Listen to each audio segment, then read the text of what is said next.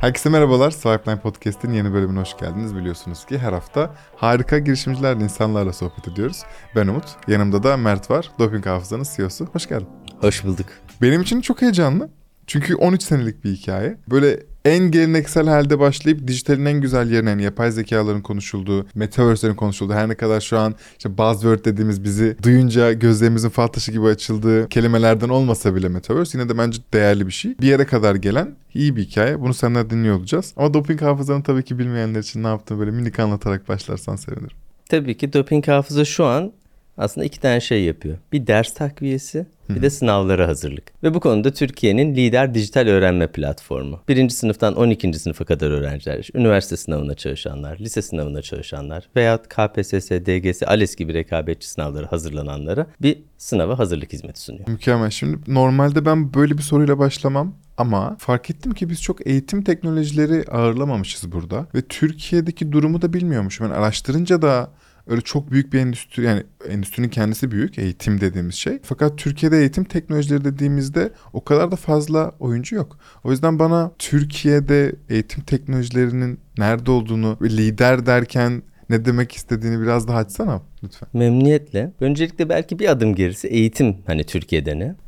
Eğitim aslında en büyük sektörlerden biri Türkiye'deki. Yani cebimizdeki 100 liranın 10'unu kabaca eğitime harcıyoruz. Neredeyse Aa. sağlık kadar büyük bir sektör gibi Aynen. düşünebilirsiniz. Tabii ki bu harcamaların daha yoğunluklu kısmı kamu tarafından, devlet tarafından yapılan harcamalar. Ama geçtiğimiz 20 yıl içerisinde hane halkının yani bireylerin yaptığı harcamaların payı da gittikçe arttı. Hı. Eğitim teknolojileri dediğimizde de birkaç farklı türde görüyoruz bunu. Okul içi faaliyetleri destekleyenler var. Okul dışı öğrenimi destekleyenler var. Direkt kullanıcılara, öğrencilere, velilere gidenler var veya okullara gidenler, okullara hizmet verenler var. Biz doping hafıza olarak direkt aslında öğrenciye ve velisine hizmet eden bir platform sunuyoruz. Tüm müfredatı kapsayan, içerisinde farklı interaktif eğlenceli içerikleri olan, testleri, denemeleri olan, sizi takip eden bir yapay zeka mekanizması olan, hatta ve hatta sohbet edebileceğiniz bir yapay zeka mekanizması olan bir öğrenme platformundan bahsediyoruz. Yani Türkiye'nin dört bir tarafında 81 ilde, kabaca bine yakın ilçede kullanıcılarımız var ve çok yoğun bir zaman geçiriyorlar aslında platformumuzda. Tabii ki canım. Yani örnek vermek gerekirse geçtiğimiz ay 200 yıla yakın bir aktif zaman geçirildi. Platformumuz içerisinde. Bu farklı farklı sınıflardan farklı içerikleri tüketirken. Kaç öğrenci olduğunu söylüyor muydunuz? 100 binin üzerinde kullanıcımız var. Çok inanılmaz bir rakam ya. 100 bin bazen hani son kullanıcı işlerde az gibi kulağa gelebilir. Ama böyle bir iş için inanılmaz bir rakam. Kaç öğrenci var ki sen 100 binine ulaşıyorsun zaten? Biliyor musun şey kaç öğrenci oldu? Türkiye'de birinci sınıftan 12. sınıfa Aha. baktığımızda kabaca 18 milyona yakın öğrenci var. Hala çok iyi bir rakam gibi Çok geliyor. daha geniş kitlelere gitmek mümkün. Ama sunduğumuz hizmet sadece böyle asenkron evet hani video izle bitir tüket gibi bir sistem değil aslında. Hı hı. Hani size bir birebir koç atanıyor, sizi takip ediyor sistemde. Sistem sizi takip ediyor. Ona göre velinizle veya öğrenciyle istişare halinde süreç ilerletiliyor. Ve bütün öğrenim yılımda benimle beraber değil Tabii bütün bu? akademik yıl Çok boyunca. Çok acayip. Yani bu veli olarak da çok ilgilendiren bir şey. Seni ilgilenmen gereken. Öğrenci olarak da çok seni ilgilendiren bir şey. Bizim zamanımızda yoktu diyeceğim. Hatta direkt bizim zamanımızda nasıl başladığını da merak ediyorum. Çünkü 13 sene o zamanlar ne akıllı cihaz var ne bu bahsettiğimiz teknolojiler. Çok kısaca bana nasıl başladığını ve adım adım nasıl gittiğini anlat. Sonra asıl merak ettiğim şu an teknolojide neler yaratıyor? Yani bu bir teknoloji şirketi diyorsak kendi içinde mi yapıyor onu da bilmiyorum. Onu da öğrenmek istiyorum.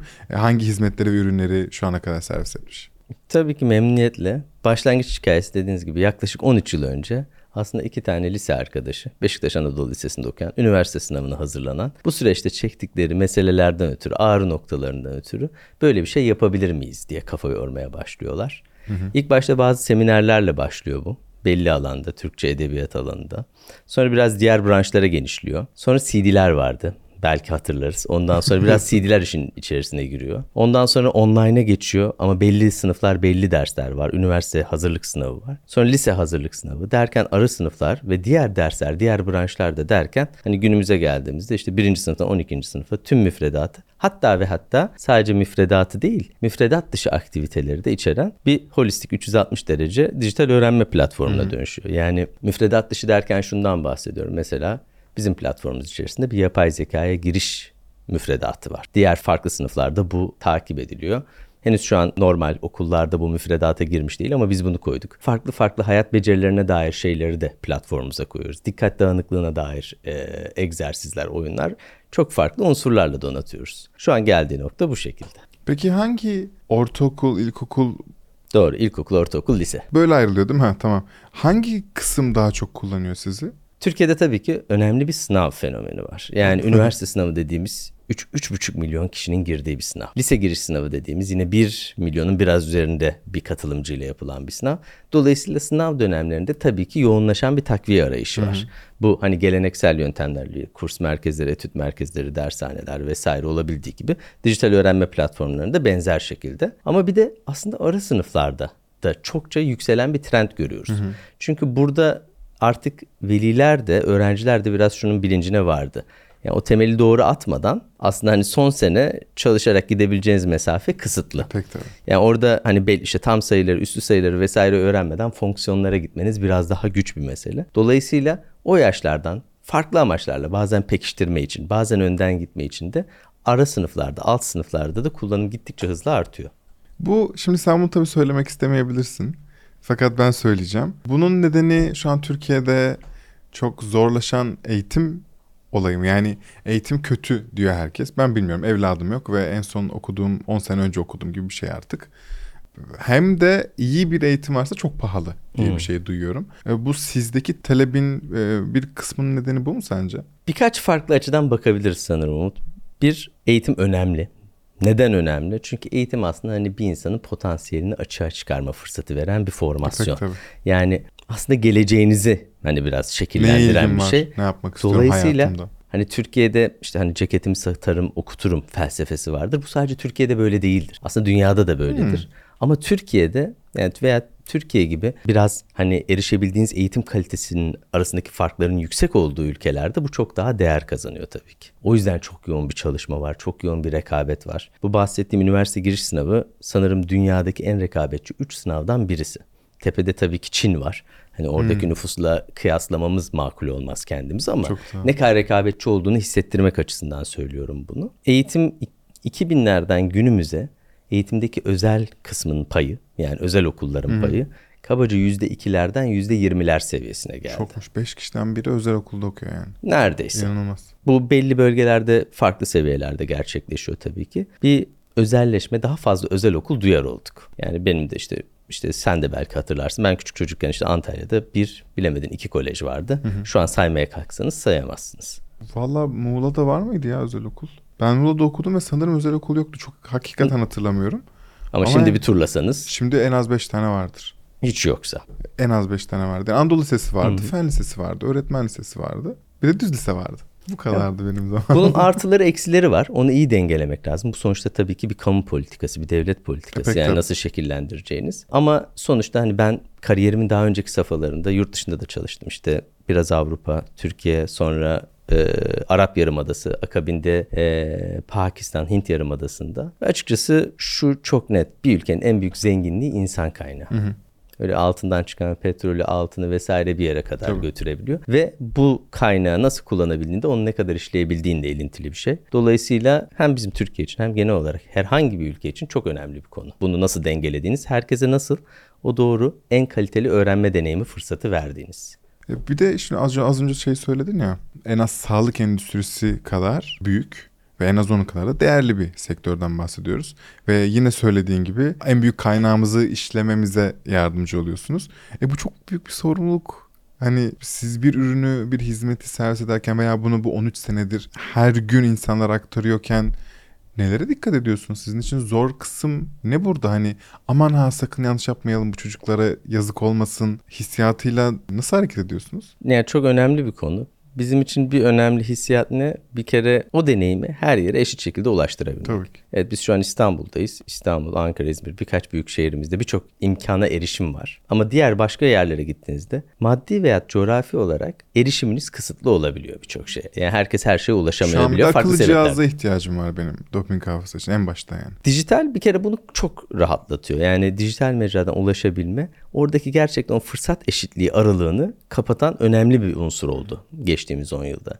Şimdi bizde üzerine bunun yapay zekanın da gelmesiyle birlikte aslında çok daha farklı bir kapı açıldı. Yapay zeka da şunu getiriyor beraberinde. Herkese aslında sizi sabırla dinleyen, sizin neyde iyi neyde kötü olduğunuzu takip eden, ondan sonra sizin hızınıza göre ilerleyip bir konuyu anlatan, sizinle beraber soru çözen çok sabırlı bir özel öğretmen, sanal özel öğretmen vaat ediyor. Aslında büyük vaat bu. Ve bu yani öğrenmenin birçok farklı formu var. İşte sınıf öğrenmesi, akran öğrenmesi, işte e, içerik tüketilerek öğrenmesi, okunarak öğrenmesi.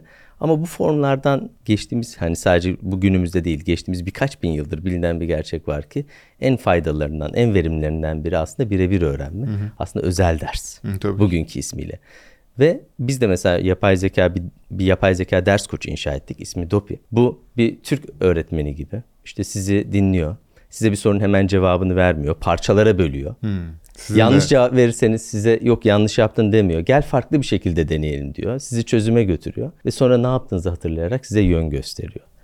Bunu da inşa ederken mesela hani dediniz ya bir sorumluluk var bu işin içerisinde. 200 sene izlenmiş bu içerik geçtiğimiz ay. Farklı farklı içerikleriniz. Birçok kişi etkilenmiş, bundan beslenmiş. Bizim burada yapmaya çalıştığımız birkaç şey var. Bir, kesinlikle herhangi bir şekilde zarar verecek bir şey olmaması. Oradaki bariyerlerimizi çok sıkı set ediyoruz. Yapay zekamızda bile moderasyonumuzu Ha, kendimiz tam inşa onu ettik. soracak. Bir moderasyon var Tabii. değil mi içeride yani?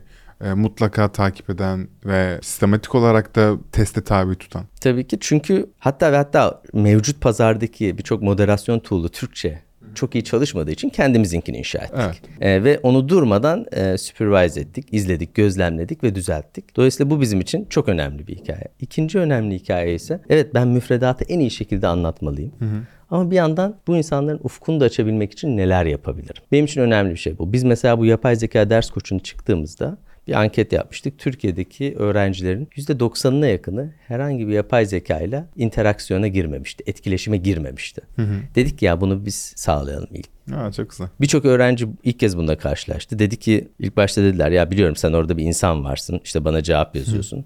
Sonra bilerek gece 2'de tekrar yazdı. Hani denediysen orada mısın? Aa bak tekrar cevap veriyorsun. Allah Allah siz uyumuyor musunuz diye yazdılar vesaire. Ve bir orada kıvılcımlar çaktı. Dolayısıyla bu da bizim çok sevdiğimiz bir şey aslında. Yani birilerinin ufkunu açabilmek. Çünkü aslında o yarattığınız kıvılcımlar yarın burada e, bir yangın yaratıyorlar, Evet, şey tabii. yaratıyorlar. Ee, şu çok küçük bir parantez açmak istiyorum sadece. Ayrıntıları bilmiyorum ama benim hatırladığım siz hem felaket dönemlerinde hani buraya böyle şey duygu sömürüsü yapmamak istediğim için doğru sormaya çalışıyorum. Hem felaket dönemi hem de felaket dönemi olmadığı zaman da erişimi kısıtlı olan bölgelere bu fırsat eşitliğini yaratmak adına bazı çalışmalar yaptınız. Buna e, sosyal sorumluluk diyelim. Bir doğru mu hatırlıyorum?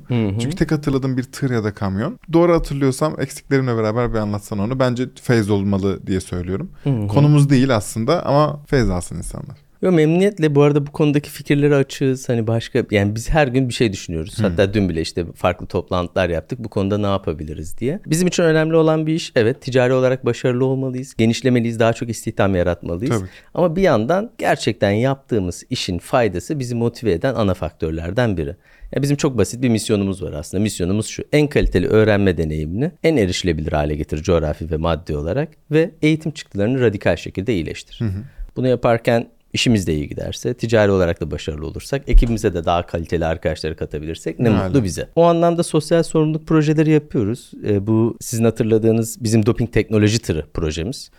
Bu yaklaşık e, felaketten daha da önceki bir periyot. 2-3 sene Yani önce sanırım. Kabaca iki sene önce başlattığımız bir proje olmuştu. Büyük bir tır aldık ondan sonra. Onun dorsesini iki kanatları iki tarafa açılıp dev bir alan yaratacak şekilde modifiye ettik. İçerisine bir Londra e, Bilim Müzesi'ndeki gibi işte Tesla bobini olsun, farklı robotlar olsun, cihazlar olsun birçok teknolojik deneysel cihazı yerleştirdik. Ve daha çok Doğu Anadolu, Güneydoğu Anadolu'da köy köy ilçe ilçe gezdik oradaki bizim ekip arkadaşlarımızla birlikte aslında birçok oradaki genç öğrencimize çocuğa öyle bir o kalitede bir bilim müzesine gidip bu farklı cihazlarla etkileşime girme imkanı sunduk. Yine orada da benzer bir felsefe vardı. Aslında bazı zihinlerde kıvılcım çakabilmek. Yani evet yaptığımız hiçbir tarafa bu tarz şeyleri de yapmayı çok seviyoruz.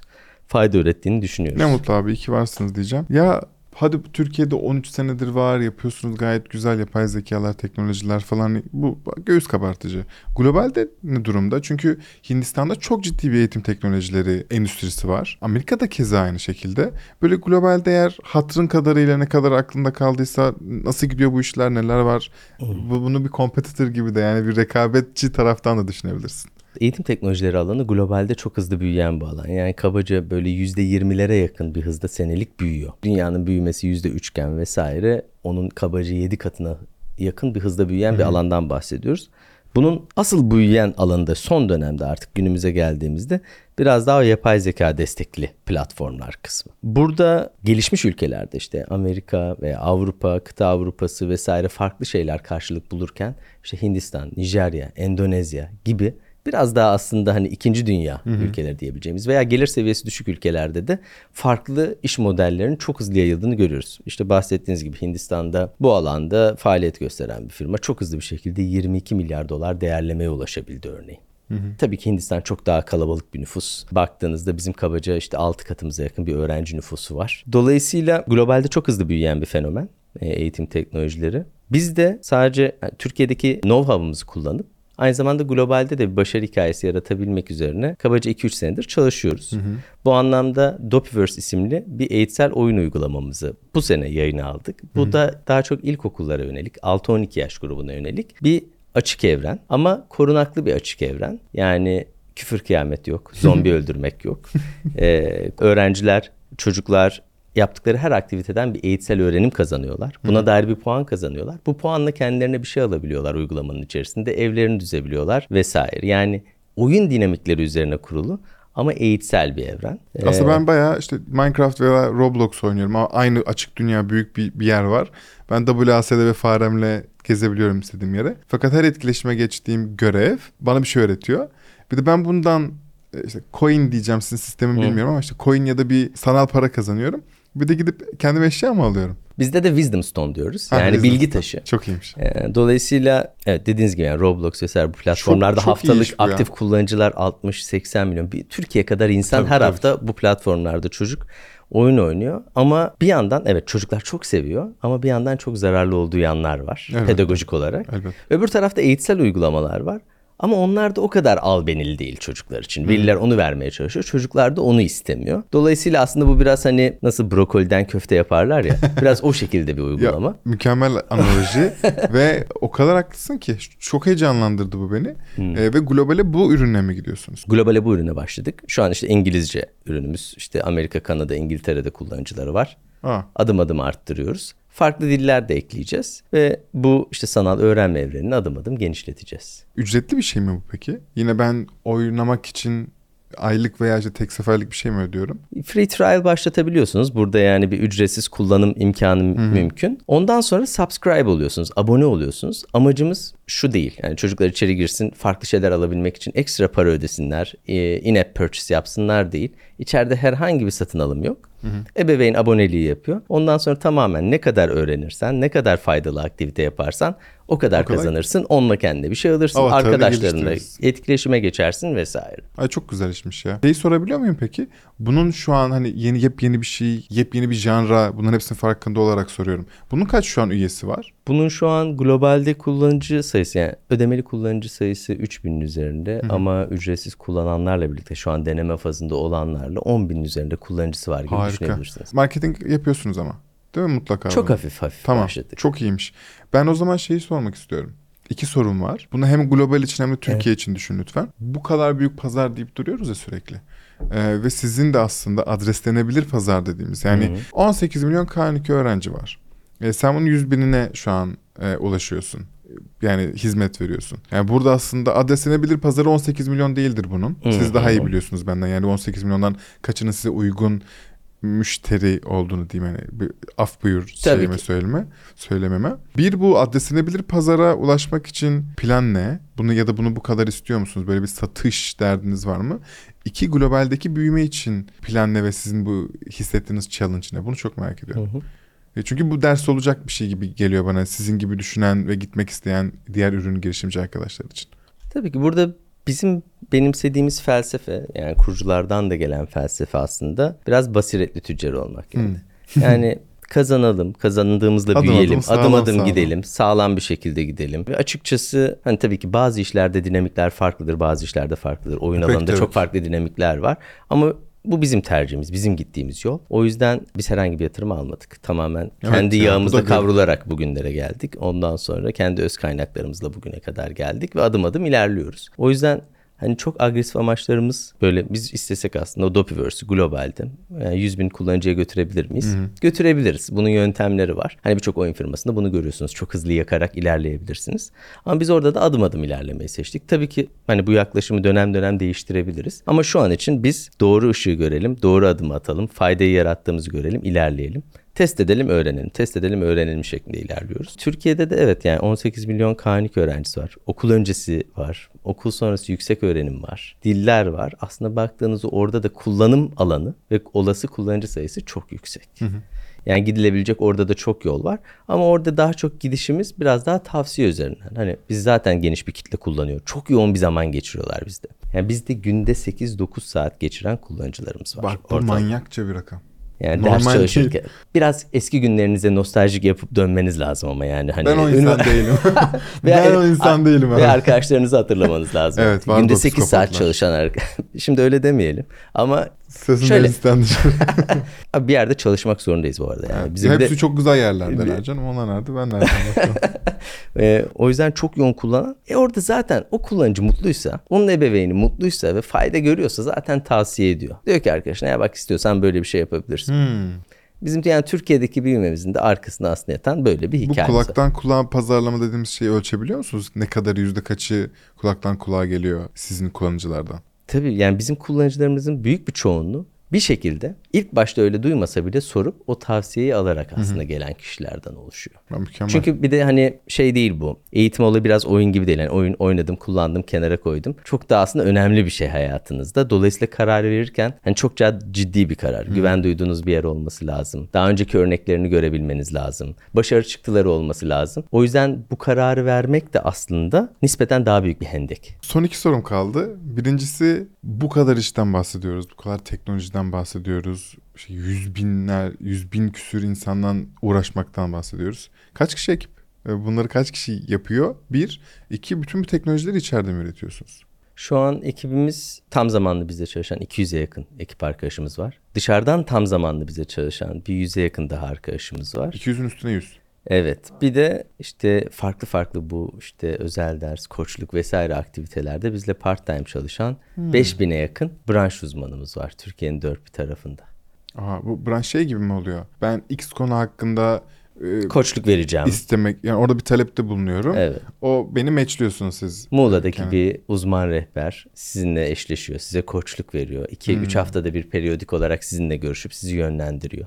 Çok iyi rakammış. Ama bu kadar iş için yine de az. Hani bahsettiğiniz işte 200 kişiyle biz bütün teknolojimizi içeride geliştiriyoruz. Bütün içeriğimizi içeride geliştiriyoruz. Çok iyiymiş. Neredeyse diğer bütün aktivitelerimizi içeride yapıyoruz. Orada bizim için en önemli kriterler hem yetkin hem de yürekli olması, alçak gönüllü olması. Yani biz yarattığı işin faydasına yürekten inanan, kenetlenmiş ufak bir grup insanın büyük işler çıkarabileceğine inanıyoruz. Kesinlikle. Ekibimizi de bu çerçevede oluşturmaya ve geliştirmeye çalışıyoruz. Hani bu vesileyle özellikle yapay zeka tarafında, veri tarafında, teknoloji tarafında bir şeyler yapmak isteyen ve eğitim alanına da dokunmak isteyen eğer değerli arkadaşlar varsa ekibimizi genişletiyoruz. Vallahi duydunuz dostlar. Mert'in LinkedIn'ini aşağıda ekliyorum. E, oradan zaten Doping Hafıza'nın açık pozisyonları da görebilirsiniz. Veya Mert'e de bir şey sormak istediğinizde bence e, çok hızlı cevap verecektir. Son sorum bu devasa bir yapı baktığımızda çok uzun süredir var olan. Şeyi de merak ettiriyor bana. E, hiç yatırım yaptınız mı? Türkiye'de veya dünyada bir ürüne servise girişime veya satın aldınız mı? Ve veya düşünüyor musunuz? Şu an aktif şekilde yaptığımız bazı yatırımlar var. Üzerinde çalıştığımız bazı yatırımlar var. Şöyle yine kendi alanımızda yani eğitim teknolojileri alanında. Örneğin 2-6 yaş grubuna yönelik bir eğitsel oyun uygulamasına yakınlarda bir yatırım gerçekleştirdik. Tiny Minis isimli. Hayırlı olsun. Dolayısıyla aslında hani bizim kapsadığımız segmentin bir önceki segmenti gibi düşünebilirsiniz. Okul öncesi çocukluk. Orada da çok önemli aslında eğitim ve gerçekten faydalı bir uygulama sunabilmek çok önemli. Ayrıca yurt dışında yapay zeka destekli eğitim teknolojileri firmalarına yatırım yapan bir venture capital'a, bir yatırım fonuna da bir yatırım üzerinde çalışıyoruz. Aa, çok iyi. Dolayısıyla aslında hani Türkiye'nin çok, dünyanın çok farklı noktalarında yapılan işlere biraz daha vizibilitemiz olması, görebilmemiz, gerektiği yerlerde feyz alabilmemiz, gerektiği yerde feyz verebilmemiz için ekstra kendi e, emeğimiz dışındaki işlere de yatırım yapmaya çalışıyoruz. Ya çok garip teşekkür ederim. Bu bunları böyle tatlı tatlı anlattığın için çünkü biraz şey gibi düşünüyorum. Ders niteliğinde bir bölüm gibi düşünüyorum bunu. Her şey çok iyi gözüküyor anlattığın kadarıyla. İçeride Ve böyle o kadar olmayabilir. E Yoğun zaten tempomuz var bir yani. normali bu. Evet. Ama bence örnek alınası şeyler anlattın. Tabii ki yani çok uzun süredir var. Business olarak yani ticari olarak belli bir kalibrenin üstüne çıkmış olunca biraz daha rahat bu hareketleri yapabiliyorsun. Onu da biliyorum. Hani iki yıllık herhangi bir şirketten "Ha, sen neden gidip bir yatırım yapmıyorsun ya da bulunduğun sektörü genişletmeye çalışmıyorsun veya sosyal sorumluluk yapmıyorsun demek yanlış. Fakat yine de bence böyle seni dinleyip not alındığına inanıyorum. Ben kafamda aldım. İyi ki geldin anlattın abi. Çok teşekkürler. Orada iki nokta et- ekleyeyim. Lütfen. Bizim aslında felsefemizde bir şey de kendimizi mümkün mertebe rahatsız tutmak. ne kadar hani feraha erdiğimizi düşünürsek orada kendimizi rahatsıza rahatsızlaştıracak bir şey buluruz. Biz bu sosyal sorumluluk projesini yaptığımızda çok daha ufak ebattaydık. Yani hatta şöyle bir hesap yapmıştık. Gelirinin bu kadar büyük bir kısmını sosyal sorumluluk projesine harcasa tüm firmalar Türkiye neye benzerdi diye. Aa, çok Çok iyiymiş. daha farklı bir şey olabilirdi. Dolayısıyla biz hani yaptığımız veya geldiğimiz hiçbir noktada kendimizi çok rahat hissetmiyoruz. Arkamıza yaslanmıyoruz. Yani bütün ekipte de öyle bir psikoloji vardır bizde. O yüzden hani rahat göründüysem yanlış anlaşılmaz. Rahat görünmek değil ya. Ee, şey gibi hani kusursuz derler ya, iki dirhem bir çekirdek. Hani her şey olduğu gibi her şey çok iyi gözüküyor dışarıdan anlattığın kadarıyla. Tabii ki içeriği bilemeyiz. Ama ne olursa olsun bu bakış açısından bahsediyorum aslında. Anlattığın her şey not edilesi. Ee, yeniden iyi ki geldin anlattın böyle tane tane. Ee, sevgili dostlar dinlediğiniz ve izlediğiniz için teşekkür ederim. Mert'in e, LinkedIn hesabını açıklama kısmına koydum. Valla umarım sizin için faydalı olmuştur.